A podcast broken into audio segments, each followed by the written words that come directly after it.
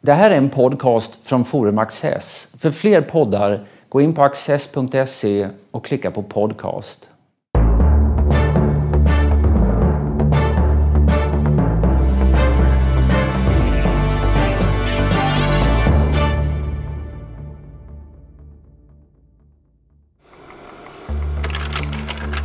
Tusen och en natt är en arabisk sagosamling, delvis av indiskt och persiskt ursprung, med något skiftande innehåll i olika utgåvor. Sedan den i början av 1700-talet kom ut på franska spred den sig snabbt till de flesta europeiska språk och stimulerade intresset för Orienten. Sagornas värld är skimrande och praktfull eller grå och grym. Den rike är mycket rik, den fattige mycket fattig. Andar och demoner ingriper i händelserna och en rättrogen muslim kan bli belönad för sin dygd. Karl Rudbeck, doktor i litteraturvetenskap och tidigare lärare i arabiska vid Stockholms universitet, samtalar med Peter Luttersson. Tusen och en natt har inte bara en upphovsman.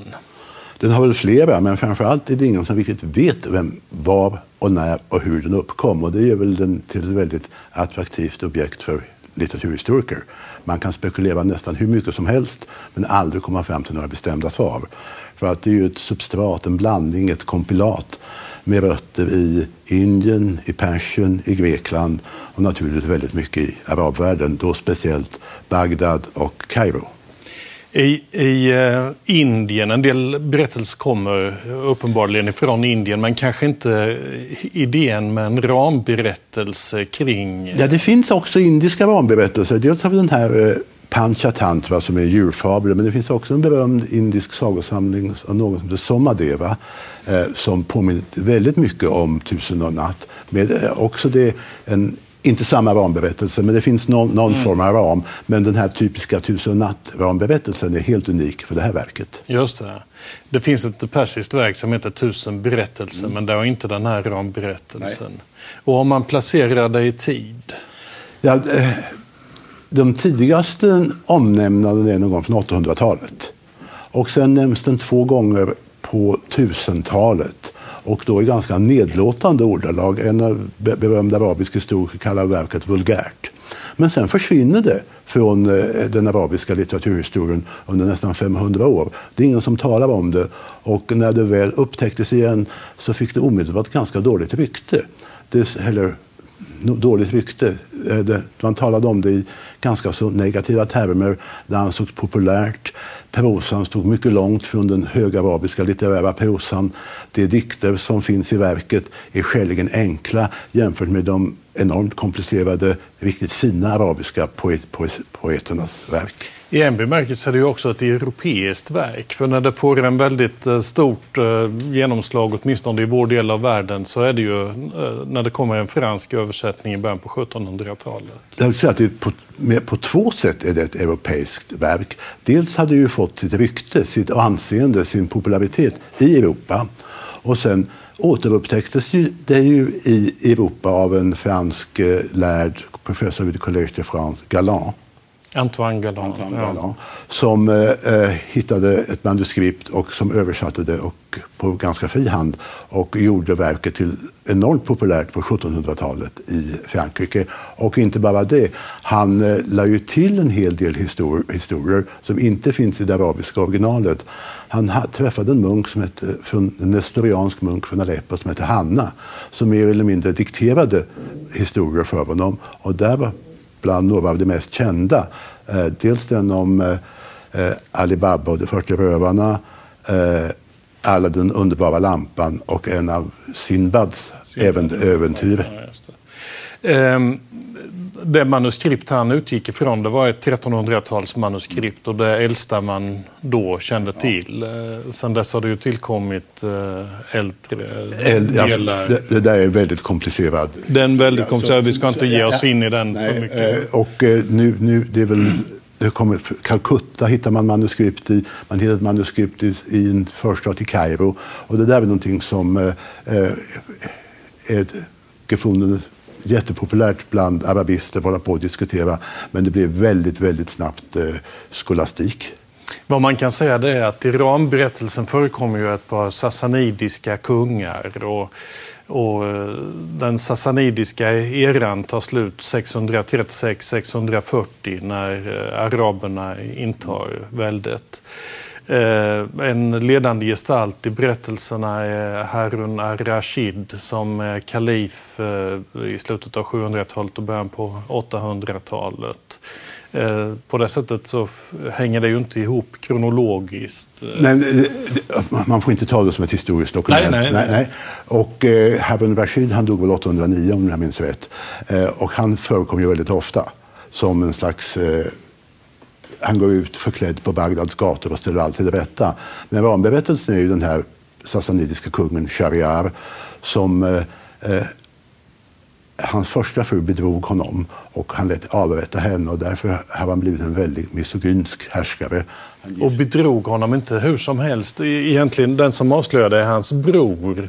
Och det har börjat med att hans bror ska åka och hälsa på honom och han upptäcker då sin eh, hustru som tror att han redan har gett sig iväg i armarna på en svart slav. Han dödar dem båda. Han eh, reser till sin bror. Han är också kung, den där första i Samarkand. Eh, och där eh, ska hans bror ge sig ut på jakt men eftersom han är lite nedstämd efter de där otrevligheterna på hemmaplan så stannar han kvar och ser ifrån gästrummet hur denna hustru har en sexuell orgie med en lång rad slavar och slavinnor. Det där är ju ett genomgående tema att det är en misogynsk eller en säga, föga eh, idag en föga populär inställning där att kvinnorna ska hållas inlåsta. För att så fort man släpper ut dem rusar de i stad och ställer till väldiga orgier med otukt med slavar. Det förekommer ständigt i den här boken. Och det, jo, och det finns andra inslag där, ja. till exempel en berättelse som heter De sju visirerna mm. som eh, är en exempelsamling på hur kvinnan genom list kan förleda mannen till en massa eh, dumheter. Men det finns också kvinnor, kvin, först och främst, den, den är inte kvinnorna behandlas vanligen som en handelsvara.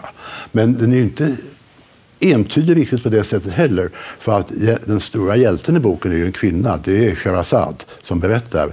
Men också det finns kvinnor som i bokstavlig mening tar för sig.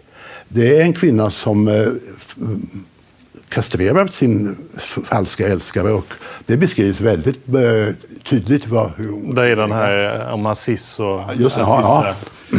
Så att det är, det är inte bara eh, en kvinnoförnedrande Ja, det finns ju andra också. I, i, I, berättelsen om Alibaba och de 40 rövarna så är det ju en eh, kvinnlig slavinna som genom just list eh, hjälper den eh, lite handfallna och godtrogne Alibaba att klara sig ur situationen. Och sen blir hon frigiven och får gifta sig med hans brorson. så. Så att, men ändå så, förlåt, så är det ju väldigt mycket att kvinnor är mest slavar och älskarinnor. Eh, Harun Arashid, eh, när han tittar kvinnor så gifter han bort dem som han vill. De har inget eget, eget värde. Så nog är det en värld som har mera gemensamt med dagens Saudiarabien än vad som kanske är... Det är ju den värld som finns i de här, den är ju ganska... Vi, vi sa det där att den kan flytta sig i tiden mellan... Eh, det är ju ibland så att man... Det finns en berättelse som kanske har ett indiskt ursprung som sen blir en persisk berättelse och sen blir en arabisk och då fyller man på med lite muslimska, kanske har tagit vägen över Grekland också. Då fyller man på med lite muslimska inslag och, och man byter miljö i den. Den utspelas på en annan plats.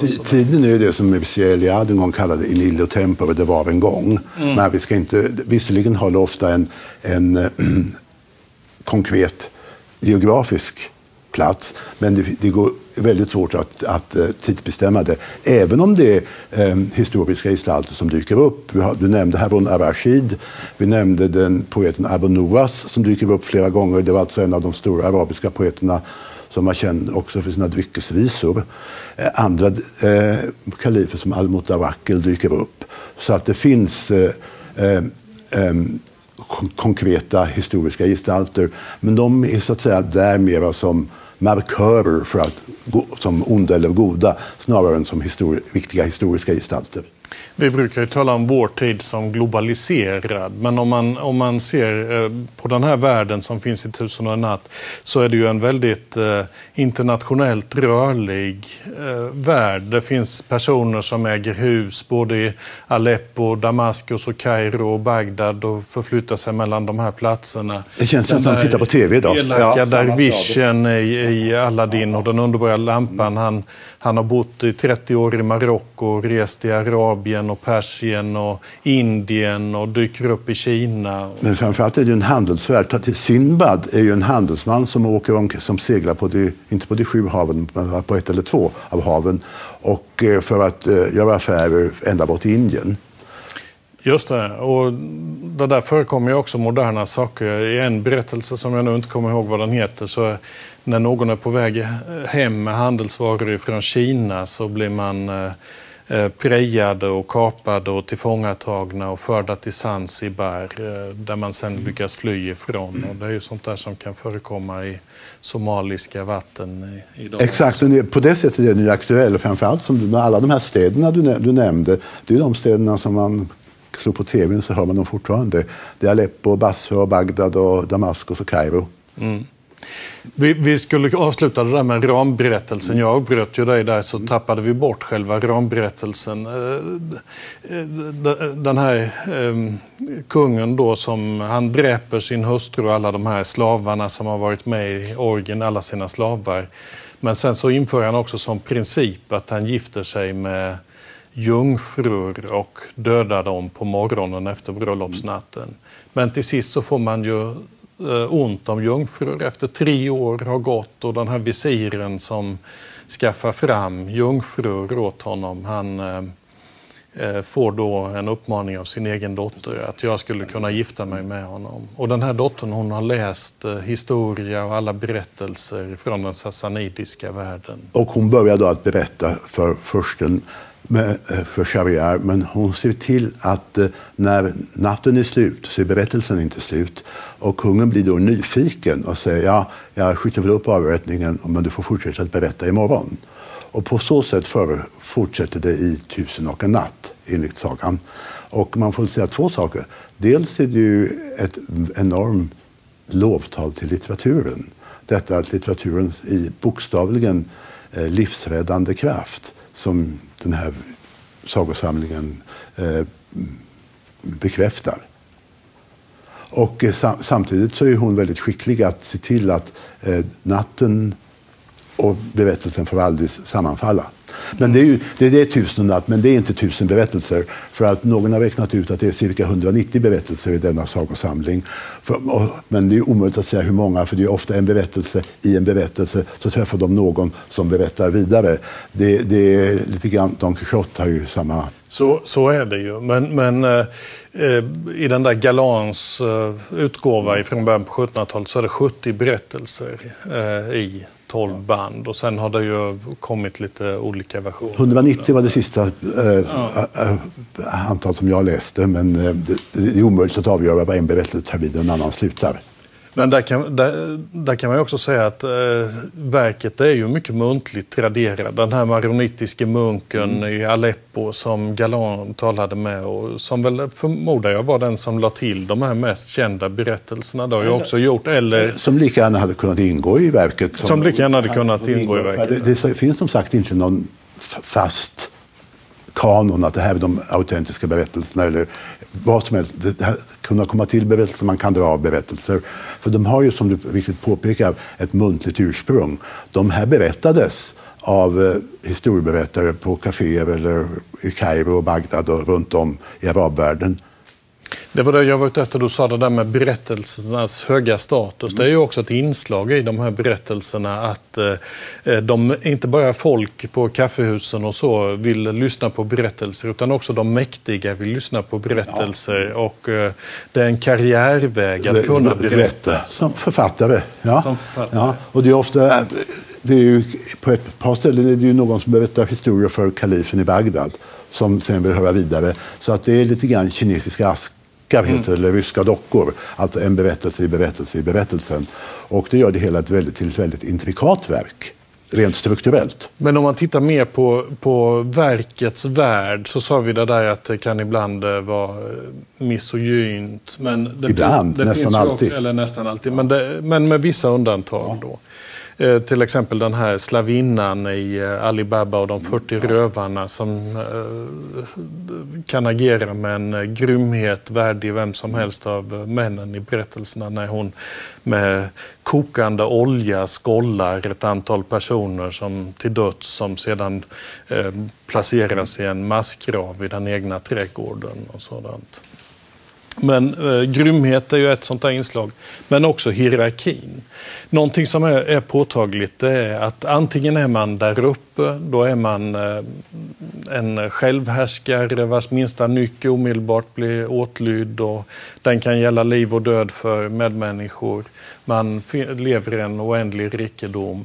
Annars så tillhör man de som måste ägna sig åt eh, kryperi. När man eh, närmar sig kalifen så gör man det på knä och man kysser marken framför hans fötter.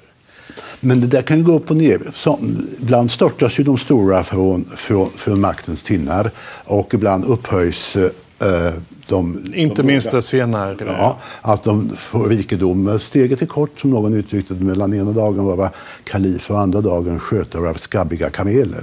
Steget är väldigt kort däremellan och det säger väl någonting om eh, livet i den delen av världen då och väl lite grann om livet i den delen av världen nu. För ett annat tema är ju att eh, det är mycket svårt att åstadkomma någonting av egen kraft. Vanligen är det ju kalifen som ger en eh, gå hem och häller en rik man som uppmanar en skattkista som ger en då eh, tusentals kilo med guld eller vad det kan vara. Mm. Det är ju oerhörda summor som växlar ägare på, under ett ögonblick. Eh, de får slavar och slavinnor och byar och städer. Och det är ju en väldigt, som det påkar, hierarkisk värld och väldigt osäker värld. Och sker det inte genom att man får det som gåvor av de rika, mäktiga ja. eller de rika så sker det med hjälp av magi. Eh, det vimlar ju i, denna, i detta verk av eh, andar och, och demoner och och det där är ett intress intressant att du nämner, för det där tyder ju på att det har för islamska rötter. De här demonerna och andarna eh, hörde ju inte hemma inom islam som ju såg mycket strängt på all den typen av vidskepelse. Och det tyder väl på en persisk eller en indisk eh, eh, substrat. För där, i de indiska berättelser, i alla fall de jag känner till, är ofta eh, mycket mer fantastiska än någonsin vad tusen och natt är. Sen kan man ju ändå gifta samman det där. Ibland blir ju förmågan att motstå en ond andes anslag ett eh, test mm. på ens eh, muslimska renlärighet. Ja. Det förekommer ju också. I... Det förekommer väldigt mycket citat av Koranen mm. och det slutar ju alltid att, med att endast Gud vet. Eh, Guds allmakt eh, prisas eh, och ganska ofta och att Gud ser till de goda och straffar de onda. Så det är klart att det är en muslimsk värld vi möter men den har väldigt mycket kvar av ett det icke-muslimska substrat där berättelserna i många fall har sina rötter. Och verket kan börja med en, en lovtal till Allah och Mohammed eh, och där man också talar om vad syftet med det här verket är. Att syftet är uppenbarligen didaktiskt, att man ska lära sig av äldre släktled och av händelser som har timat i den egna historien. Absolut, men jag tycker inte vi får göra det till allt för didaktiskt. Vi får, vi får inte glömma bort hur roligt det är faktiskt att läsa. Mm. Alltså det är ständigt fängslande. Det är, visserligen är det en, barnbok sägs det ibland, men det är en bok som jag tror fängslar nästan alla som tycker om en bra berättelse. Och barnbok kanske lite grann med eh, reservation. För det är ju ganska ofta explicita sexscener och väldigt mycket sadistiska scener också som nog kan vara ganska skrämmande för känsliga själar. Och det slår mig hur pass, trots allt hur pass grym den här världen är och hur man så att säga, behandlar människor. Du nämnde det själv. Man avrättar till synes för en bagatell slavar och slavinnor. Mm. Ja, grymheten, grymheten är, ju, är ju ofta mycket, mycket påfallande i, eh, i den här världen. Eh, och de explicita sexscenerna som du nämnde, där kan man väl säga att eh, en av de här versionerna av den som jag har där, den är översatt av en dansk eh, professor i semitiska språk, Johannes Östrup, han eh, skriver det att eh, jag har plockat bort eh, en massa inslag som kan förefalla anstötliga för en modern västerländsk läsare idag är ju den där anstötligheten i andra riktningen. Att det är den muslimska världen som... Ja. Idag då snarare synen på, på svarta och på kvinnor som är mm. anstötliga. För att båda, två behandlas, båda grupperna behandlas ju med mycket stor fördomsfullhet.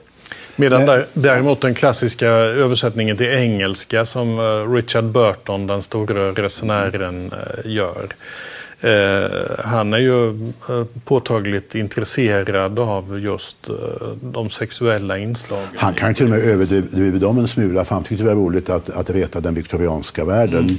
Jag vet inte om han gjorde det som i vissa av de här orientaliska klassikerna som hade mycket explicita sexscener brukar man ju ibland, i något fall, översätta allting till engelska utom sexscenerna gjorde man på latin. Mm. Det kan vara ett sätt för ungdomar att studera latin.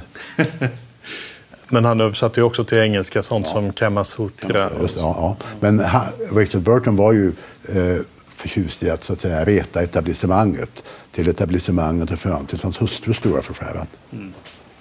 En annan sak som, vi, vi talar om det där överdådet och att man inte åstadkommer saker genom egna prestationer. Ja, Samtidigt är det en småföretagarvärld vi, möter. Jag skulle säga det att det, det är ju väldigt mycket av den värld som beskrivs nedanför kalifen och kungarna är ju eh, kaféidkare, det är guldsmeder, det är bagare, det är handelsmän, det är skomakare, det är kittelflickare, det är all småföretagare som eh, beskrivs i den här världen som har sin verksamhet i städer. i den urban miljö som framträder. Och på det sättet skiljer den sig väl ganska mycket från det europeiska folksagorna. Jag menar, om man tittar på Bröderna Grimm, inga, inga jämförelser i övrigt, så är det där nästan alltid äger rum i en lantlig miljö med bland bönder och eh, och, och, eh, Men grymheten går igen? Ja, de steker ju gamla kvinnor i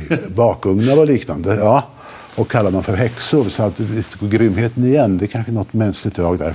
Men, men småföretagarvärlden, det finns ju eh, hos berättar, berättaren, vem det nu än är, en, en lust att förklara vad gäller till exempel affärsuppgörelser, affärsvillkor, egendomsförhållanden, mm. arvsförhållanden och liknande väldigt komplicerade arvsförhållanden ofta i den här världen. Med en, en värld där, där man praktiserar månggifte och det gäller olika regler för män och kvinnor gör att eh, matematik, att det var, fanns eh, oerhört komplicerade eh, förhållanden som skulle belysas genom just arv och lösas genom arv.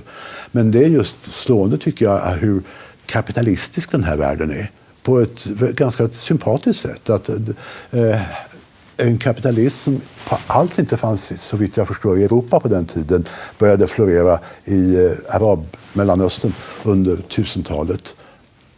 Mm. Synd att den inte fortsatte. Och sen, sen är det också, vad ska vi säga, rikedom är nästan alltid en drivkraft i berättelsen. Eller väldigt ofta en, en, en drivkraft i... Och lika mycket fattigdom. Jag... Fattigdom också, ja, men, men, ja. men drivkraften, det eftersträvansvärda, det som eh, sätter igång skeendet, är ofta längtan efter rikedom. Eller... Ja, materiell trygghet. För det är en väldigt, som du var inne på tidigare, ja, fast... en, en, osäker värld där, där var och en kan, så att säga, om de inte har resurser kan de starta sig för fördärvet hur lätt som helst. Och rikedom gav ju också en viss säkerhet gentemot eh, de som hade, de som hade något. Det, det, är ju, det är ju mycket med det där extra man får med rikedomen, att det gör den fule vacker och, och den dumme klok. Och de kan köpa sig slavinnor i tiotal om de vill. Och det gör man ju. Och det gör man ju uppenbarligen. Och, och, och måtten på rikedom är ju ofta guld, ädelstenar, elfenbenssoffor och framförallt hur många slavar man... Uh... För det är ju en bisarr värld där när man kommer in hos de rika så sitter de där uh, uppenbarligen omgivna med kistor där det är guld och pärlor och ädelstenar och rubiner. Så att, uh, men det ska man väl också ta lite bildligt. Um... Hur går det för Sherazad? måste vi reda ut också. Hon lyckas ju till slut. Hon, hon, hon, hon berättar sina sagor och till slut blir kungen så förtjust i henne att han eh, börjar tycka om kvinnor igen. Han förlåter hela kvinnokönet och gifter sig med Sherazad. Och sen lever de eh, lyckligt i alla sina dagar. Eller, eller ända till Gud eh, beslutar att de ska dö. Det är slående att det andra folk de levde lyckliga alla sina dagar. Det slutar sällan så. Det slutar att de, de lever lyckliga till den som bryter alla vänskapsband beslutar att så ska ske. Mm. Mm. Det är en ett annat, ett annat eh, inslag, om man tar det där språnget över tid, som jag tänkte på, det är att i en av berättelserna, återigen kommer jag inte ihåg i vilken, men där förekommer det att eh, stadsportarna i Bagdad stängs därför att man eh, är rädd för att en fanatisk sekt ska tränga in i staden och bränna alla lärda böcker, eller rättare sagt ja, förstöra alla lärda böcker. Eh, känner du igen det där? Nej, jag gör inte det. Nej. Eh, det kan ju i och för sig också tyda på det här sassanidiska, för det var ju vad som hände när, när deras huvudstad föll, att man kastade alla böcker i... i... Och vad, vi, vad vi glömmer också ta upp, det finns ju några berättelser som be, be, berättar om kampen mellan muslimer och kristna, alltså eh, hur de eh, försöker invadera Konstantinopel. Mm. Så att det, det, det, det, historiska kommer in där också.